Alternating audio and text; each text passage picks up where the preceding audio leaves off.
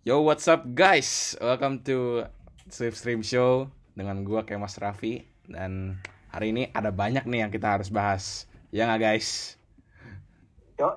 Yo, Ya, eh, jadi hari Minggu kemarin kita melihat salah satu GP paling eh, gimana ya? Kata gue paling seru dan lumayan dramatik lah kata gua, ya kan? Paling nggak terduga sih. Heeh, paling nggak men- nggak menduga sih. Nggak nyangka gue ajar Daniel Ricardo bisa menang. Padahal kan dia struggle abis kan di awal musim. Nah, aja. jadi gimana nih menurut lu pada GP-nya? Gimana ya?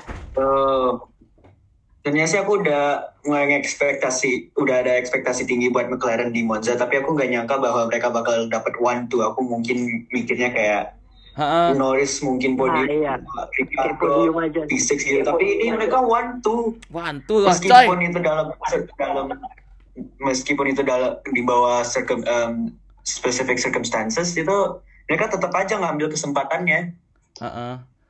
Alright. dan dengan eh, secara dominan. mm, Ricardo dari lap 1 langsung langsung leading the Grand Prix. heeh. Abis itu sempat Hamilton, Norris sama Leclerc. Ya kan yang leading. Tapi ya mereka cuman Itu dari lap doang. strategi ya kan. Oh, strategi Cuman belum sabi emang. Cuma McLaren membuktikan sih bahwa dia emang kuat sih di track lurus gitu. Sumpah kenceng banget. Ah, kenceng banget. Tahun depan Sabi kali ya fight buat championship. Bisa lah. Sabi, Regulasi Sabi baru kan. parah, Sabi parah. Alright, eh, jadi kemarin kita menyaksikan salah satu race yang dramatik, salah satu race yang paling seru. Eh, kita melihat Daniel Ricardo memenangkan GP Monza, diikuti oleh Lando Norris eh, di posisi kedua dan Valtteri Bottas an outstanding performance di P3 eh, dan nggak itu doang, Daniel Ricardo sama McLaren juga mencetak sejarah nih. Eh itu tuh sembilan da- dengan Daniel Ricardo menang itu menjadi kemenangan pertama McLaren dalam hampir 9 tahun. Terakhir kan 2012 tuh di Brazil. Hmm. Habis itu Lewis Hamilton. eh, bukan Jenson Button waktu itu. Jensen, Button. Jensen. Oh iya, Button. Jensen, ah, bukan Button. Button. Habis itu Iya. eh one two pertama semenjak 2010. Terakhir kan Kanada tuh. Hamilton sama Button kan waktu itu. Dan tim pertama yang 1-2 tahun ini. Nah iya tuh banyak Oh, tuh yang iya, gak ngeh, sumpah. Ya kan. Um, so and we also uh, witness one of the most gimana ya, one of the most unex bukan unexpected gimana ya, uh, one of the most scariest crashes in my opinion, yaitu Verstappen sama Hamilton. Mereka crash di turn 2 gara-gara Verstappen itu maksain buat Maksa overtake parah sih. Heeh. itu udah kagak ada Maksa space. parah. Ah, udah kagak ada space, tapi dia tetap maksain. Terus belum ada sausage curb kan? Sausage curb Sebenarnya sih dia mesti lewat Heeh. menurut aku sih menurut- dia harusnya lewat runoff itu kan dari tadi Lewis Hamilton udah udah tahu cara he knows when to back off tapi Verstappen masih kurang sabar gitu. Heeh. Yep. And then after that, akhirnya setelah crash itu kita menyaksikan, yep, one of the most, you know, one of the most unexpected moments in this year's season of Formula One. McLaren winning, bringing home a one-two. Yeah, and that's uh, the summary. ragu. Ada botas di belakang. Ah iya, Botas. Eh menurut gua gimana ya kemarin? Race gua, eh race-nya menurut Itu gua itu yang ke sebenarnya jadi driver of the day sebenarnya dari P2 19 ke P3 kan Heeh.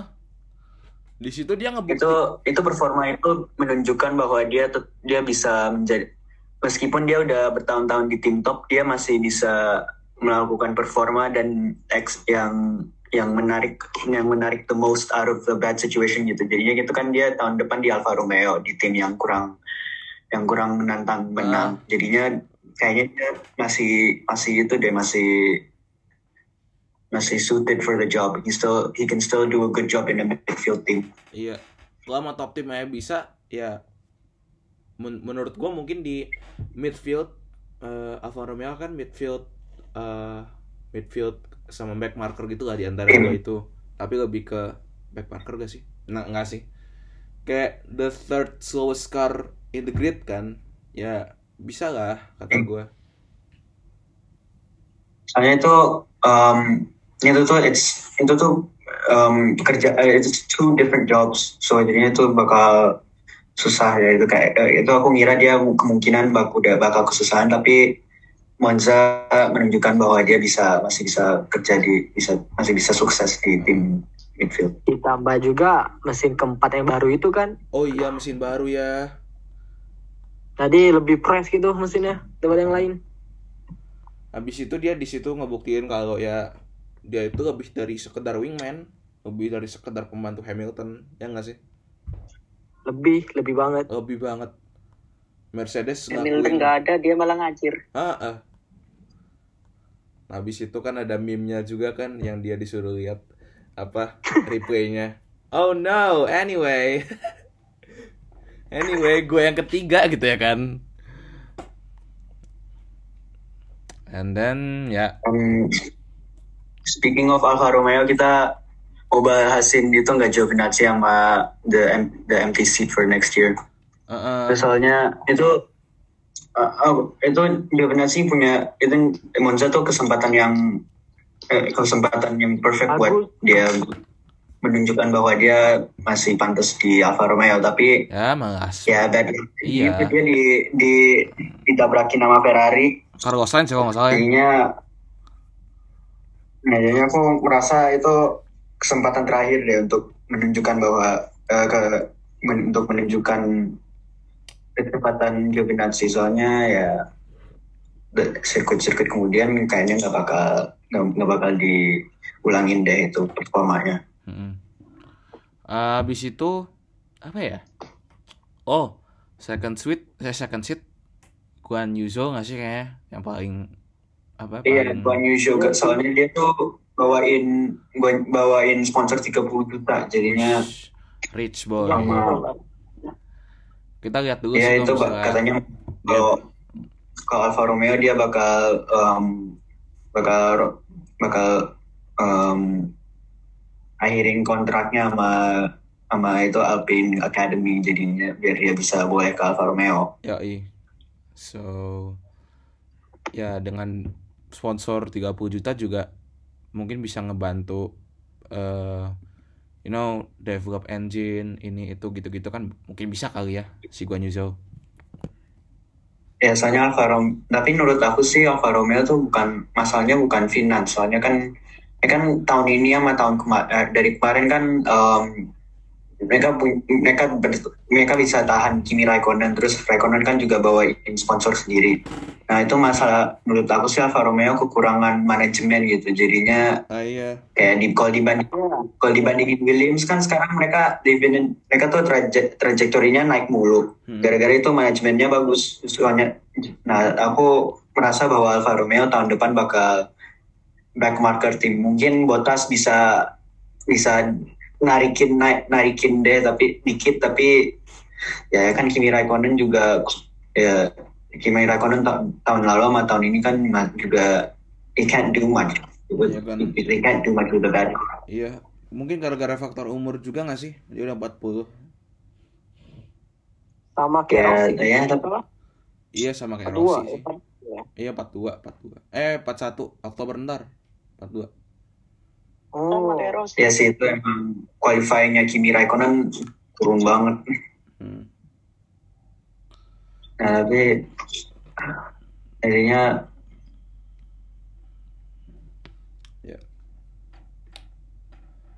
Alright, eh, setelah nge- oke, ntar, ntar dulu. Alright, eh, after speaking about Kimi Raikkonen, kita bakal bahas yang lagi trending banget nih di GP Monza. Kemarin kan McLaren, eh, yang hype itu McLaren One Two pertama, menang pertama sejak era V8 kalau misalnya digabung. Nah, sekarang kita lagi bahas mau bahas yang lagi trending nih, yaitu ya insiden Hamilton Verstappen, the crash Panas. and the aftermath. Panas. Yes. Alright, jadi kalau misalnya gue lihat racing incident gak sih? Racing incident sih menurut gue. Racing incident, racing incident tapi kalau bilang racing incident sih tapi Iya lebih ke Maxonnya kan dia yang dia yang maksain Lewis Ah, Hamilton ah. padahal meskipun dia bisa ada ada option buat lewat runoff aja Ah, tapi dia lewat- tuh nggak mau kalah Heeh, lewat chicken Jadinya yang gitu. motor terus Maksa masuk. iya. Dia terlalu maksa masuk Lewis Hamilton. Ya sebenarnya awalnya eh, itu semua berawal dari pit stop si Max. 11 Ya, iya. 11,5 ya nggak salah Iya ya? kan Kemarin ngaco tuh yang itu itu sih ngaco itu salahnya Red Bull juga sih ya. Itu kenapa sih? Dia Dia pit stop. pit stopnya lama banget dah. itu kalau Soalnya itu kan front left. peraturan Front right, front right. Oh, front right. Hmm, ya. sama peraturan baru buat kayak yang mesti mesti kayak timernya mesti dimulai dimulai secara manual kok nggak salah atau terus di mesti di Hmm, secara manual. itu kan ya? regulasi baru Oh, regulasi baru toh. Makanya si eh, Max kemarin slow stop ya. ya ingat kan Itu itu kan pas um, kan yang pas mereka like early in, earlier in the year mereka uh, propose um, peraturan buat ganti pit buat pelanin pit stop di Hungga, di Hungary tapi itu di anul anul itu di cancel ya kan Ah, di cancel. tapi itu emang tapi buk ternyata itu ditunda terus sekarang it applies now Oh, jadi diundur terus sekarang dipakai baru di apply rulesnya. iya Ah. kayak antara nggak tahu antara dari dari Monza atau mungkin dari Bel Belgia itu tapi ya udah sekarang udah udah ada peraturannya Hmm, see, I see.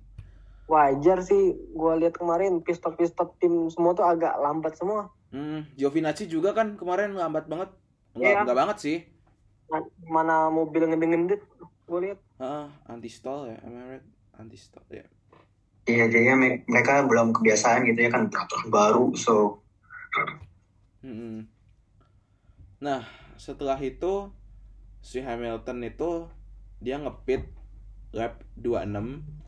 Lap 26 dia udah disalip Norris. Terus kan Hamilton agak pelan jadi Verstappen juga pengen dong apa nyalip Hamilton. Jadi ya why not? Don't hesitate, langsung gas. Tapi dia nggak apa dia kurang hati-hati tuh pas overtake. Udah nggak ada space, Terus dia nggak ngeh, dia nggak merhatiin ada sausage curbs. Kalau pada nggak tahu sausage curbs, eh, itu curb yang istilahnya mirip sama apa tuh namanya polisi tidur. soalnya kan itu bulat Heeh, Iya, kayak polisi tidur gitu kayak polisi Ah. tidur iya kalau bisa nah dijelasin. iya lebih polisi gampang. tidur Heeh, kayak polisi tidur. Ya, mobilnya langsung terbang dan nimpa mobil Hamilton. Alright, it's a racing incident. untung ada ada halo. Ah ya untung ada Halo karena ya eh gimana ya? Oh nggak bisa bayangin anjir kalau nggak ada Halo. Heeh. nah Bisa geger otak anjir beda Bisa geger otak ya gak? Sumpah. bisa sih mungkin lebih parah bisa Heeh. Mungkin bisa lebih parah. Um, and then ya abis terus itu yang mereka mereka yang keluar keluar mobil si terus kayak ya si Max biarin aja. Gua nggak nggak begitu ngeh sih kalau misalnya si Max beneran meriksa si Hamilton atau enggak. ya itu ya racing incident sih tapi kayak menurut aku Verstappen mestinya sabar dulu ya kan Monza Monza kan slipstream sama DRS kan kuat banget jadinya ya kan banyak banyak kesempatan untuk overtake dan terus kan masih di tengah masih in the middle of the race belum akhir jadinya nggak usah nggak usah buru-buru gitu Ah, masih berapa persen dari race itu? Lap 26 tuh udah berapa persen ya? Ya pokoknya segitu lah. ya kan dua per tiga Ah, masih kayak 2 per 3 race-nya kan. Jadi ya terus eh, chicane juga ah, masih ada chicane selanjutnya kan yang Del Roggia itu. Eh? Del Roggia. Ya. Hmm. Terus ya jadi trending dah di internet. and Dan yang gue bingungin another gue jujur gue rada bingung sama netizen F1 gue lihat di komen-komennya IG Max mereka pada nge-hate komen. Tapi pas si Verstappen diumumin kalau bakal dapat penalti mereka malah ngehina FIA anjir. Gue bingung gak like Jadi ya bias. Heeh. emang net emang netizen net- netizen tuh emang rada emang gampang ke bawah emosi itu marah-marah Heeh. Ya iya, bingung jadi mau gimana. Heeh. Di satu sisi Giliran wah harus hampir dikasih 10 Hamilton lu. detik ke Hamilton dikiranya gimana? Ya kan? menurut kalian itu uh, three plays great penalty deserve nggak buat buat Verstappen Gimana ya? Eh, Cocok terlalu sih. keras kata gua. Terlalu Kalau keras. gue cocok sih. Terlalu keras. kalau oke menurut menurut Raffi kan itu terlalu keras. Emang if if so itu mestinya hukumannya apa? Ya sama kayak Hamilton sih. Karena nih pertama eh, pas Hamilton itu eh, gimana ya? Bisa dibilang crashnya lebih parah lebih keras kata gua. Ya walaupun dua-duanya bisa dibilang gimana ya mengancam nyawa sih. Eh ya dua-duanya kata gua kan mengancam nyawa kan. Habis itu ya you know di Silverstone kan si Hamilton itu nabrak Verstappen 51G kan. Sedangkan pada eh, pas di Monza kemarin eh mereka crash itu nggak sampai kena G-force yang tinggi kan. Ya walaupun si kepala si Hamilton hampir kena ban terus hampir ada kejadian apa-apa kan. Jadi ya ya penaltinya terlalu keras. Tapi ya ya FIA-nya kayak gitu. Jadi ya gitu oh dan gue pengen jelasin di sini juga nih kenapa eh kenapa si siapa Verstappen dikasih three grid penalty itu karena gue baru tahu eh, dia itu nggak finish balapan ternyata kan si Hamilton kemarin finish kan jadi ya cuma dikasih 10 detik doang Nah iya benar. Balapan mungkin penaltinya sama kayak Hamilton di, di Silverstone Hmm. kemarin. Dikasih stop go penalty gitu eh dikasih pen 10 second penalty gitu Iya, maksudnya 10 detik doang. Mm. itu kan tadi Farhan bilang bahwa itu em, sesuai hukumannya itu kenapa menurut tuh Eh, gini sih kalau sependapat gua ya yang pertama ya emang Max maksa kan nah yang kedua kayak Hmm. apa nama itu kalau misalnya nggak ada halo ya tahu sendiri kan gimana pasti ban itu nyangkut ke sela-sela kokpit itu kan. Jadi tahu sendiri gimana keadaan kepala Hamilton kalau nggak ada halo. Jadi ya itu menurut gua sih ya, agak cocok sih. Cuman ya ya netizen banyak nggak suka jadi ya terserah sih gitu. Itu sih pendapat gua. Heeh. Hmm. Itu ya ini ini agak unrelated tapi itu em, keamanan F1 tuh kan sekarang udah udah udah udah develop banget ya kan udah Ha. udah aman udah aman tapi itu Udah improve. gara-gara itu em, pem- pada pembalap jadi lebih jadi lebih ya jadi lebih bahaya mereka racingnya nggak nggak aman sama nggak ada hormat gitu jadinya ya, ya kalau tabrak ya udah he's gonna be fine tapi kan it's not how it works gitu so Iya gitu. Alright, kita kan udah bahas tentang Hamilton sama Verstappen. Sekarang kita bahas tentang Ferrari maybe. Ferrari Space kemarin. Ferrari hampir mau podium sih cuma Hampir, ya, anjir. lihat sendiri. Kekuatan mesinnya kalah parah Ah, kalah kalah sama jauh. McLaren, kalah sama Mercedes. Red Bull juga emang mesin Ferrari masih belum eh tunggu tapi kan ab- baru abis Monza baru mereka dapat up- dapat upgrade power unit jadinya mungkin di Sochi Kalau nggak di Sochi, Istanbul ya. di Katanya Sochi di sih di Sochi. Sochi pokoknya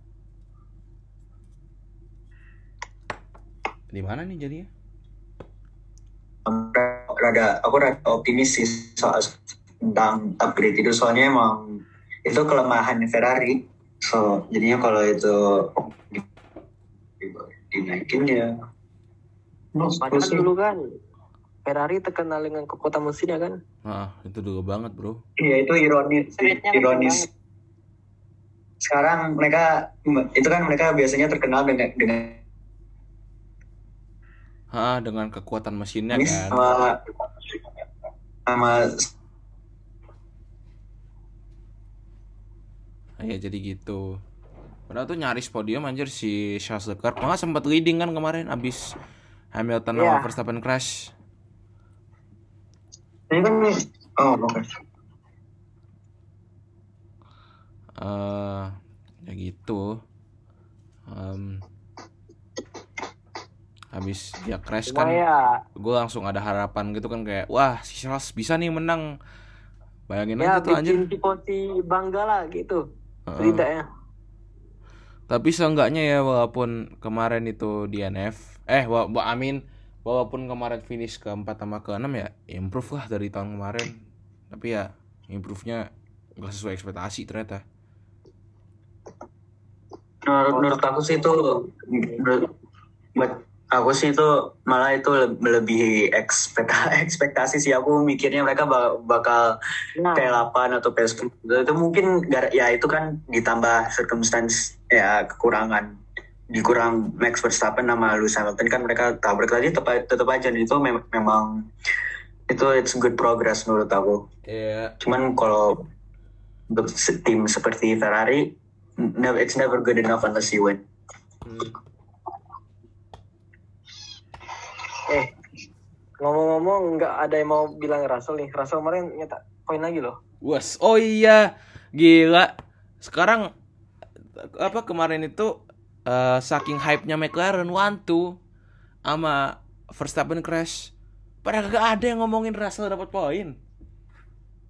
nah Sekarang- iya, sekarang tuh- berita ya Russell dapat poin tuh kayak gimana ya? It's like it's normal man. udah mulai normal gitu saking udah mulai normal Ah udah mulai menjadi kayak you know something normal. Jadi ya ya tahun depan ya kita bisa lah ya ngeliat si Albon sama Latifi fight di midfield. It- itu si George Russell dia punya lima sekarang dia punya 15 poin Ah, itu ya. udah itu tiga kurang dibanding Sunoda di mobil Alfa Tauri yang Pierre Gasly bisa narikin sampai sampai ke, ke peringkat 9 Ha-ha. eh, Ah, hebat sih. sih itu George Russell sama Latifi. Sunoda Ya, Sunoda mengecewakan ya dari dari dari sprint. Or- Tapi ke, dari eh, Bahrain dia, dia kan promising tapi Sunoda sepertinya belum belum siap ha, buat F1 padahal pas di F eh, pas di F2 itu kan lumayan bagus tuh kan dia.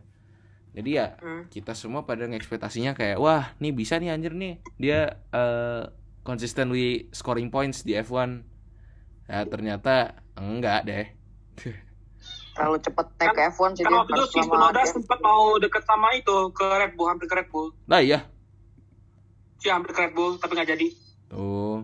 oh ya itu dia jadi Aja, Buset, that would, if that happened that would have been the worst decision udah Iya. parah banget tuh kalau gitu Itu yang bayangin bentar aja bentar. Tsunoda di Red Bull. Ji, itu Gue rumor Tsunoda- aja Iya, bayangin aja Tsunoda di Red Bull ya, bisa parah tuh. Kurang Hancur di Albon sih. Hah, kurang poin buat World Constructor Championship-nya kurang banget anjir masalahnya. Gak bisa Tsunoda beneran ke Red Bull.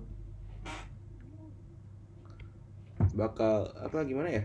Susah di World Constructor Championship terus ya buat jadi wingman si Verstappen jadi susah.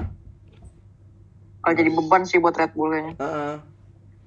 Lebih parah daripada Albon sama itu Gasly. bukan bukan bukan cuma masalah konsistensi sama kecepatan tapi dia juga banyak kesalahan kalau kalau kamu pelan sama kalau kamu kurang konsisten setidaknya bersih lah kayak Latifi gitu tapi itu dia nabrak mulu salahnya Heeh. Kalau jadinya it's a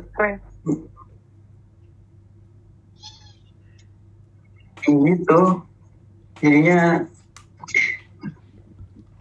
ya gitulah Damn. Kalau ngomong-ngomong Albon soal ke Williams ya, mungkin kalau kata gue dia akan beratasi dengan Mercedes kan. Soalnya belakangan dua tahun ini kan makin oh pakai Honda ya. Mungkin dia kayak Daniel Ricciardo.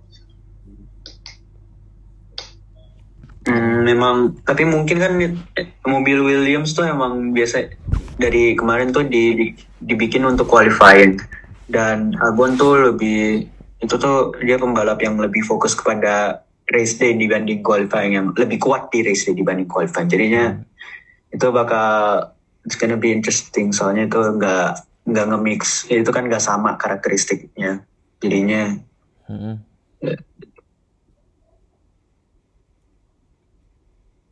Ya semoga aja itu kan sih tadi kita di Albon sering masuk top 10 sih tahun depan. Pengen banget lihat gitu. Kayak gitu. Yoi. Sama pengen banget kan ngeliat dia untuk ya ngebuktiin Red Bull kalau ya getting him off the team was wrong. Mau ganti nama Perez soalnya ya eh, diganti sama Perez juga. Perez kan sekarang belum kelihatan banget kan kayak the right man, the right teammate for Verstappen kata gue agak 50-50 sih. Itu sama tentang kalau Perez tuh dia dia punya kualitas wingman sama kualitas wingman sama dia kan um, tire tire um, manajemennya kan bisa me- bikin strategi lebih fleksibel untuk Hmm. me- untuk nah, untuk membenefit dia dan Verstappen. Masalahnya itu Sergio Perez kurang punya kurang punya kecepatan murni gitu seperti yang one lap one lap speednya kurang banget. Dia re- dia bisa dia bisa overtake, dia bisa strategi. Cuman kalau dia di belakang mulu ya percuma. Mm-mm. Nah, kurang konsisten dia qualifyingnya. Kalau di pas race day dia pas hampir hampir pasti dapat poin cuman poinnya kurang kurang kurang banyak gara-gara dia qualifyingnya di mulainya di belakang mulu Ah, di qualifyingnya tuh kata gua ah kurang banget. dia ser, kalau nggak salah lebih ser, lebih banyak top 6 buat Pierre Gasly deh dibanding Sergio Perez. Yoi, Gasly kan sering Oh, banget kan boleh. start P6 kan ya nggak? Gasly love P6. Nah, so mau diskusikan second seat Red Bull second seat nggak buat 2023 ya kan Sergio Perez masih masih dapat 2022. Nah 2023 mau didiskusikan atau nunggu tahun depan aja? Masih lama sih kayaknya. Oke sih. Nanti kita lihat aja nanti 2023 apakah ranah F2 yang masuk ke Red Bull atau Alfa Tauri mungkin Perez kecampak atau pensiun kali. Nggak tahu juga ya. Soalnya Perez kan udah termasuk kemarin udah mau mau menginjak berumur ya kayak Ah, Vettel Hamilton. Udah 30-an kan. Iya, Tapi lebih masih lebih muda Perez ya kan dibanding Vettel. Mm-mm. iya. Oke, so should be fine. Tapi kita lihat per- performa lagi ya. It depends on performance. Kalau Perez masih konsisten ya kayak sekarang ya mungkin masih ditahanin sama Red Bull. Mm-mm.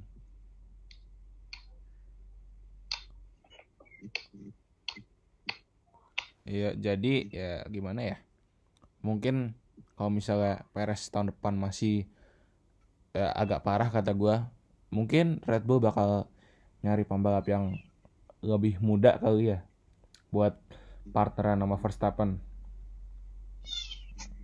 Kayaknya kalau kayaknya mereka masih punya keyakinan dalam Gasly meskipun meskipun em, nggak kelihatan meskipun tetap di Alfa Tauri menurut aku sih he, he- he's he's too good to not be considered soalnya dia kan dari di kemarin konsisten sama poinnya banyak mulu jadinya ya dia terlalu terlalu jago sih biar kok terlalu bagus sih dia untuk dia diabaikan Siapa? Gasly? ya Gasly Hah, dia tuh kenapa ya kagak bisa apa ada pemain Red Bull? Soalnya sih itu juga apa ngasih waktunya juga kurang sih kata gue si Helmut Marko.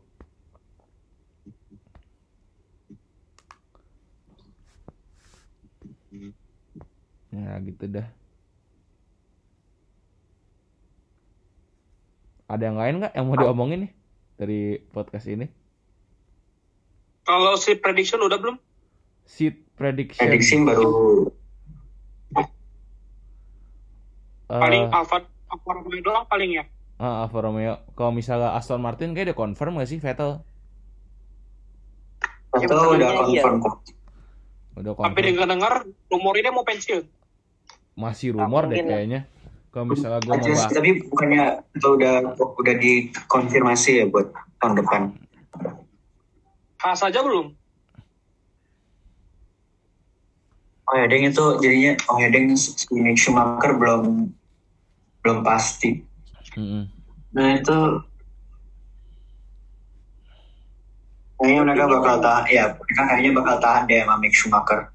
Tapi it's not a good idea sih soalnya kan mes- udah udah ditambah Haas tuh mobilnya pelan banget tapi Ah. Mick Schumacher sama Mazepin dinamisnya kurang kurang eh, kurang akrab gitu Iya. sama sering sering masalah antara Sering berduanya banget kan. ada insiden kan mereka berdua. Iya sama aja dong sama Grosjean sama Magnussen. Ya kan mereka ya kan mereka berantem mulu. Dan Jadinya ini it's just gonna be the same thing. Mm-mm. Terus eh, yang ini kata gue lebih parah sih soalnya kan lebih banyak insiden kan ke Grosjean sama Magnussen. Gua nggak tak nggak begitu inget ada insiden pernah ada insiden atau nggak sisa- gua itu di Jerman di Jerman di Herpin. Oh, oh iya deng Tapi kemarin. setidaknya Grosjean sama Magnussen tuh mereka bawain hasil. Tapi tetap meskipun toxic, mereka bawain hasil. Ini kan Mick Schumacher sama Mazepin kan masih rookie. Jadinya ini satu tahun satu tahun dibuangin buat development. Heeh. Harusnya mereka sama siapa kek gitu kan yang udah agak lama. Ya salah satu experience berexperience gitu. Heeh, sama yang udah agak lama di F1. Kayak siapa kayak Mungkin Hulkenberg Schumacher bisa ke Alfa Romeo. Ya kan dia kan anak ya kan dia kan Ferrari Academy. Terus kan Heeh. terus juga kan dia ada dia ada nama Schumacher jadinya dia bisa bisa ngambil dapat sponsor harusnya sih lebih lebih gampang soalnya ada namanya jadinya kalau dia ke Alfa Romeo hanya dia di tim yang lebih se yang yang um, environmentnya lebih sehat tapi dia juga bisa belajar di bawah botas. Bottas kan lebih experience kan jadi ya bisa lah belajar dari si Phoebe. emang nggak nggak emang nggak dan ya, Alfa Romeo tuh memang kalau tim dinamisnya sehat menurut aku so Heeh, kan jarang kan ada eh apa insiden mereka berdua kan kayak insiden di antara mereka berdua. hmm. Ya jadi ya, gitu. Oh iya, ngomong-ngomongin F1 ya. Mulai bulan depan F1 kan eh maksudnya Fox Sports kan mau dihapus ya dari. Southeast Asia. Kita bakal bahas Ya. kalian ngasih rekomendasi ke pendengar kita nih. Kita mau nonton F1 di mana? Kalau misalnya Global TV masih mau ya silakan Global. aja. Hmm. Tapi ya Zaman-zaman Haryanto kan pelatih Global TV ya. Itu satu satu season loh, full season. ha-ha. Sekarang semenjak 2017 mereka nggak naikin lagi. Iya. Gue kira cuma setengah season loh 2016 pas Rio Haryanto udah stop F1. Gue kira kayak oh mereka juga stop dah. Kita udah nggak ada pembalap lokal ini. Kirain gitu. Ternyata kagak ya. Atau nggak gimana ya? Malaysia kan udah eh, nambahin channel kan. Maksudnya udah nyediain eh, channel buat nayangin F1, MotoGP, UFC, DLL. I think Indo- uh, Indonesia is gonna do the same thing. Tapi uh, bakal agak lama sih. Maksudnya nggak bakal kayak sekarang-sekarang ini kayak Malaysia. Nah kalau menurut lu pada gimana nih?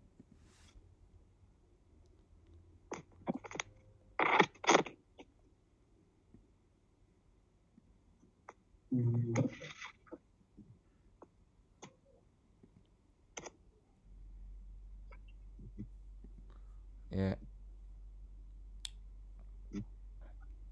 Kata gue ya, kalau misalnya F1 mau pindah, most likely Mola nggak sih?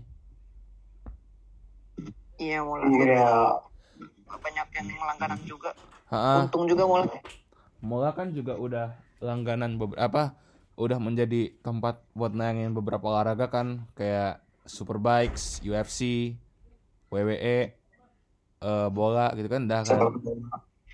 Pokoknya komplit banget jadinya tinggal kayaknya ya mereka tapi mereka belum nambahin itu motorsport jadinya ah motorsport baru mau- superbikes doang Kemarin dia ada mau motor biar biar komplit masukin F1 dan Iya. MotoGP.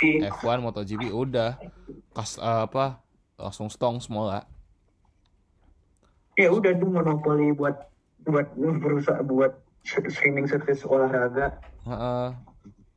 Soalnya ya kita waktu itu kan ditipu kan katanya Disney Plus mau beli apa namanya? Mau beli F1.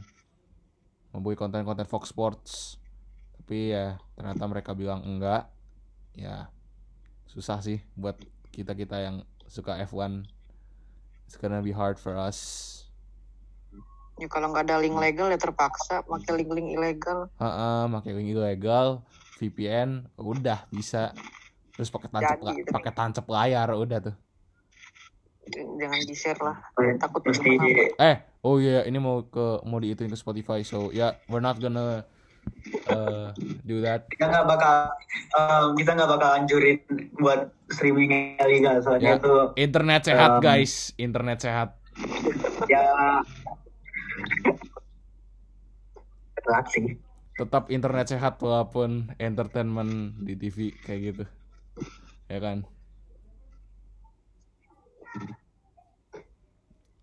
Ya, jadi ya buat kalian yang pada bingung mau nonton F1 di mana? Eh, first of all, recommendations are uh, Discord. Lo cari aja eh, F1 Stream and Replays. Kan di sana mereka bakal stream balapan tuh. Hmm. Ha-ha. Tapi lo kalau mau masuk ke sana harus GC. Soalnya 50 orang doang di stream itu.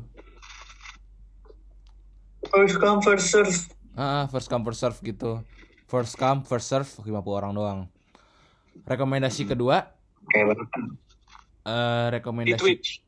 eh, Twitch. ah ya Twitch. Ya, gue nggak bisa Twitch eh nggak tahu kenapa. Twitch terbatas juga nggak sih BTW guys? Enggak, enggak, enggak. enggak enggak mesti di Twitch. bebas lah Hmm. Mesti alright. di situ. Ketiga eh, F1 TV atau nggak F1 TV Pro. Tapi kalau misal mau nonton live kanan. mending langganan yang pro aja sekalian kan lo bakal dapet eh, POV setiap driver gitu-gitu kan. Itu yang gue tahu sih dari F1 TV Pro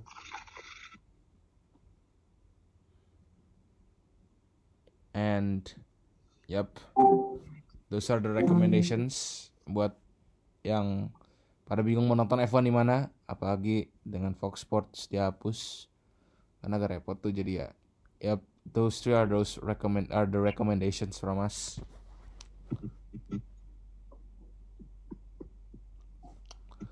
and kayaknya ini aja kali ya yang kita mau bahas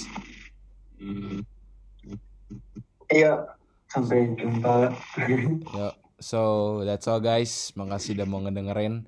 Tetap support kita. And yo, thank you guys. See you next video. See you in the next episode of Formula One. See you in Sochi. Yeah, eh.